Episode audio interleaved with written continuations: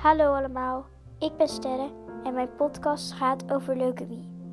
Ik ga jullie vertellen over wat leukemie is, behandeling voor leukemie, welke soorten er zijn, het verhaal van Evie en het verhaal van Kalle, weetjes en over het Prinses Maxima Centrum, wat ze daar allemaal doen.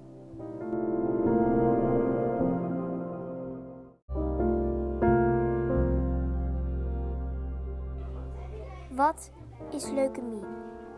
Leukemie is kanker van witte bloedcellen. Deze cellen zijn belangrijk om geen griep te krijgen of andere infecties. De kwartaardige leukemie verspreidt zich door het lichaam via bloedlymfaten. De leukemie kan zich ook via het ruggenmerg uitbreiden naar het zenuwstelsel.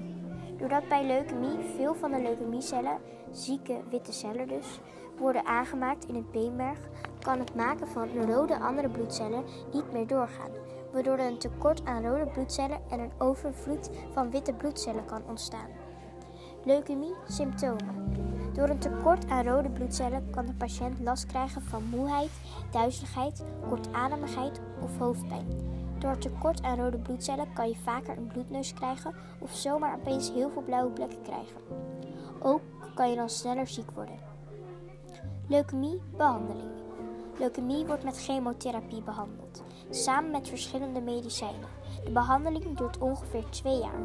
Voor kinderen die snel hulp nodig hebben om de overlevingskans te verhogen, krijgen soms hulp van donors die gezonde stamcellen doneren.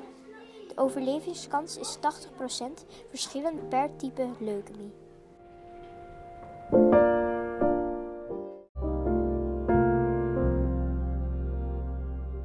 Soorten leukemie. Acute lymfatische leukemie, oftewel ALL, komt vooral voor bij zuigelingen, kinderen jonger dan 1 jaar. AML is een vorm van leukemie die zowel bij kinderen als volwassenen voorkomt. Van de kinderen die AML krijgen geneest uiteindelijk slechts 60 tot 70 procent. JMML. Dat is een zeldzame vorm van leukemie. Wat ook een zeldzame vorm van leukemie is, is MDS-syndroom.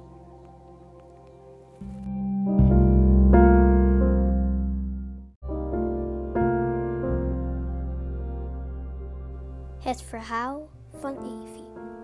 Het is begin zomer 2016 als Evie, twee jaar oud, slecht begint te lopen. Via de huisarts, fysiotherapeut en kinderarts komen wij de orthopeed. In de weken voor de orthopeedafspraak krijgt Evie last van andere dingen. Het lijkt vooral op een griepje, maar wat opvalt zijn haar dikke, gezwollen oogleden. Ouders van kanjer Evie. Voor ons genoeg zorgen om nog een afspraak te maken bij de huisarts. De huisarts geeft aan het ook niet te weten en stelt voor bloed af te laten nemen. We moesten toch in het ziekenhuis zijn bij de orthopeed, dus dat kon er mooi achteraan. De orthopeed vindt ook niet een duidelijke aanwijzing voor het slechte lopen van Evie en is ook wel benieuwd naar de bloeduitslagen. Emotionele rollercoaster. Wij verwachten geen ernstige zaken en na het afnemen van bloed gaan we rustig naar huis. En toen kwam er opeens dat onverwachte telefoontje van het ziekenhuis. Of we zo snel mogelijk met Evie ons wilden melden op, het op de spoedeisende hulp. Haar bloedbeeld was erg slecht. Vanaf toen gingen we achteraf gezien de achtbaan in. We zoeken snel oppas voor onze oudste en gaan naar het ziekenhuis. Daar krijgen we nieuws dat de grond onder onze voeten deed wegzakken. Evie heeft leukemie.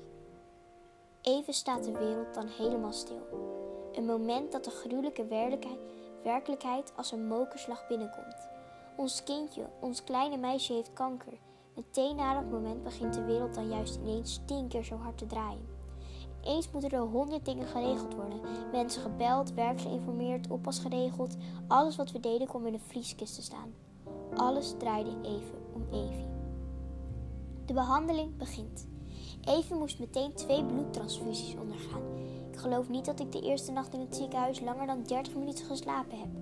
De volgende ochtend werden we met de ambulance naar een ander ziekenhuis gebracht, waar de behandeling voor leukemie gedaan wordt.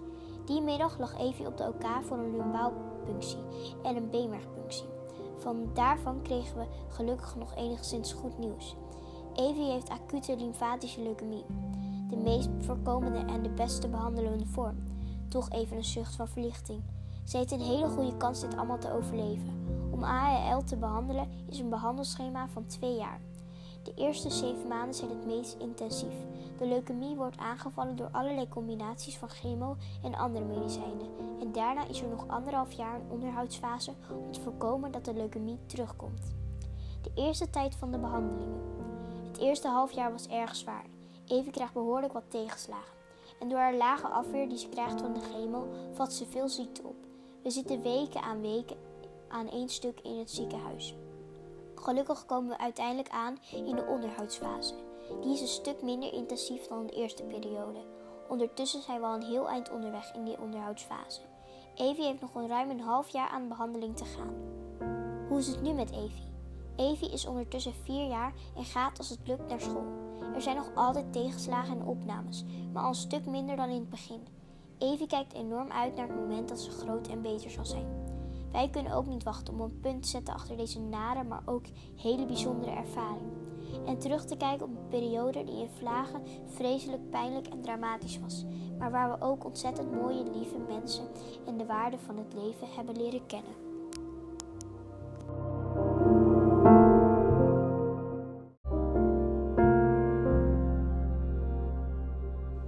Het verhaal van Kalle. Toen Kalle negen maanden was, werd duidelijk dat hij acute lymfatische leukemie heeft. Moeder van Kanje Kalle. Wat is hij bleek, riepen veel mensen om ons heen in de twee weken voor de diagnose. Hij is half Scandinavisch, dus veel kleur kan er niet op zitten, grapten we dan. Kalle was elke dag bij ons en daardoor zagen we niet dat hij geleidelijk aan steeds witter werd. Wel zagen we naarmate de tijd vorderde andere dingen die ons niet lekker zaten. Kalle werd erg passief, sliep veel meer dan normaal en had op en af last van hoge koorts. De diagnose. Uiteindelijk kwam de diagnose heel snel. Ook onze huisarts vertrouwde zijn kleur niet en prikte zijn HB. Dat bleek veel en veel te laag. Ze vermoedde dat het om een infectie ging en stuurde ons door naar de kinderarts. Dezelfde avond in het ziekenhuis viel het woord leukemie. Maar telkens als iets was uitgesloten moest worden om de diagnose te stellen. Om leukemie uit te sluiten, gingen we de volgende ochtend met een ambulance naar, naar het Prinses Maxima Centrum voor een beenmergpunctie. Aan het einde van de middag hoorden we wat ondanks alles nog voor onmogelijk hielden.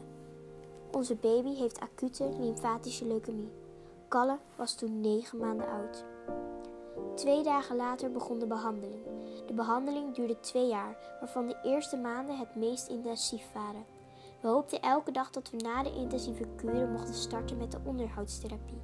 Helaas heeft Kalle ook een bepaalde genafwijking in zijn leukemiecellen, die maakt dat de kanker zich agressiever gedraagt. Onze grootste inspiratiebron. De chemokuren slaan tot nu toe goed aan.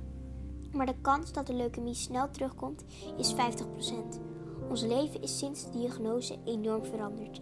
De behandeling vraagt veel van ons, ons aanpassingsvermogen, onze grootste inspiratiebron is Kalle. Hij heeft ongelooflijk veel veerkracht. In het ziekenhuis staat hij bekend als Kalle Casanova. Want met zijn schaterlach en grote ogen wint hij alle verpleegkundigen, artsen, pedagogisch medewerkers, schoonmakers en keukenmedewerkers om zijn vingers. Hij is een erg lief, vrolijk en rustig mannetje die gelukkig en helaas al helemaal gewend is aan alles wat er in het ziekenhuis gebeurt. Op een blog schrijven we aan Kalle wat er nu allemaal gebeurt. Niet alleen de behandeling die hij moet doorstaan, maar ook met alle andere mooie en dagelijkse dingen die we meemaken. Op deze manier houden we de mensen om ons heen op de hoogte.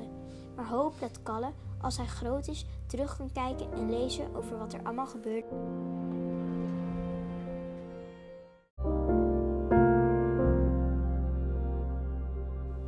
Weetjes. Wist je dat elke keer als een kind de chemo heeft gehad, dat hij dan een kraal krijgt. En die kan je allemaal aan één ketting doen. En dat heet de kanjerketting. 2. Wist je dat veel kinderen het ook wel stommebie noemen? Het is namelijk helemaal niet leuk om deze ziekte te hebben. 3. Wist je dat de meest voorkomende kanker leukemie is? 4. Wist je dat elke week 10 kinderen kanker krijgen?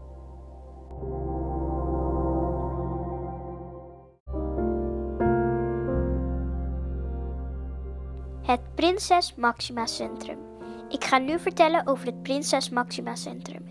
Het Prinses Maxima Centrum is een speciaal ziekenhuis voor kinderen met kinderkanker. Ik ga nu vertellen over de afdelingen van het Prinses Maxima Centrum. De hermato-oncologie. Daar worden kwartaardige aandoeningen zoals leukemie behandeld. Bij de solide tumoren worden tumoren behandeld. Neuro-oncologie, daar worden hersentumoren en tumoren in het overige deel van het zenuwstelsel behandeld. Op de zorgondersteunende afdelingen kun je de radiotherapie, radiologie, de OK, de intensive care, laboratoria en apotheek vinden. Bij de Quality of Life kun je psychologische hulp volgen en er zijn ook nog verschillende voorzieningen. Maar daar vertel ik jullie zo meteen meer over.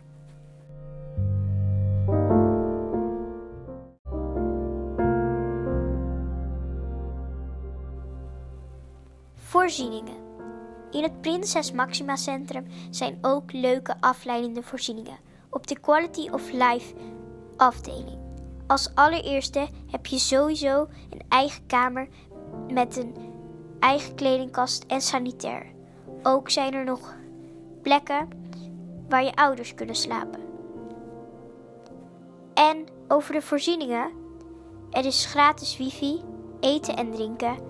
Er is een kapsalon van Stichting Haarwensen voor pruiken. Er is de Muziek Kids muziekruimte, de Ronald McDonald huiskamer, de speelopvang voor je broertjes en zusjes als jij bezig bent met de chemotherapie. De school als je sterk genoeg bent, zodat je niet alles hoeft te missen.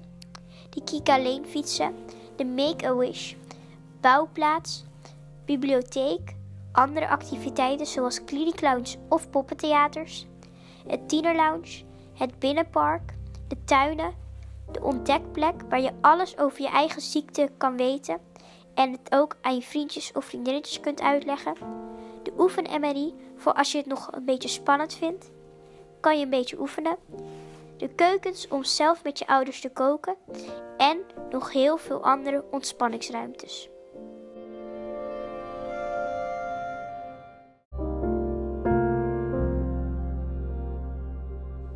Het is natuurlijk supergoed dat steeds meer kinderen het overleven. Maar er gaan nog steeds kinderen dood. Ze moeten nog steeds een vreselijke periode meemaken. En dat moet stoppen, zodat er nooit meer iemand ziek wordt. Help daarom. Doneer op kika.nl of kijk wat je nog meer kunt doen. Want samen redden we kinderlevens.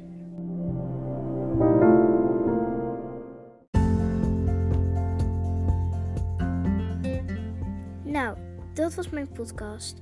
Vonden jullie het leuk? Hebben jullie er iets van geleerd? Ik hoop het wel. Nou, doei en doneren hè!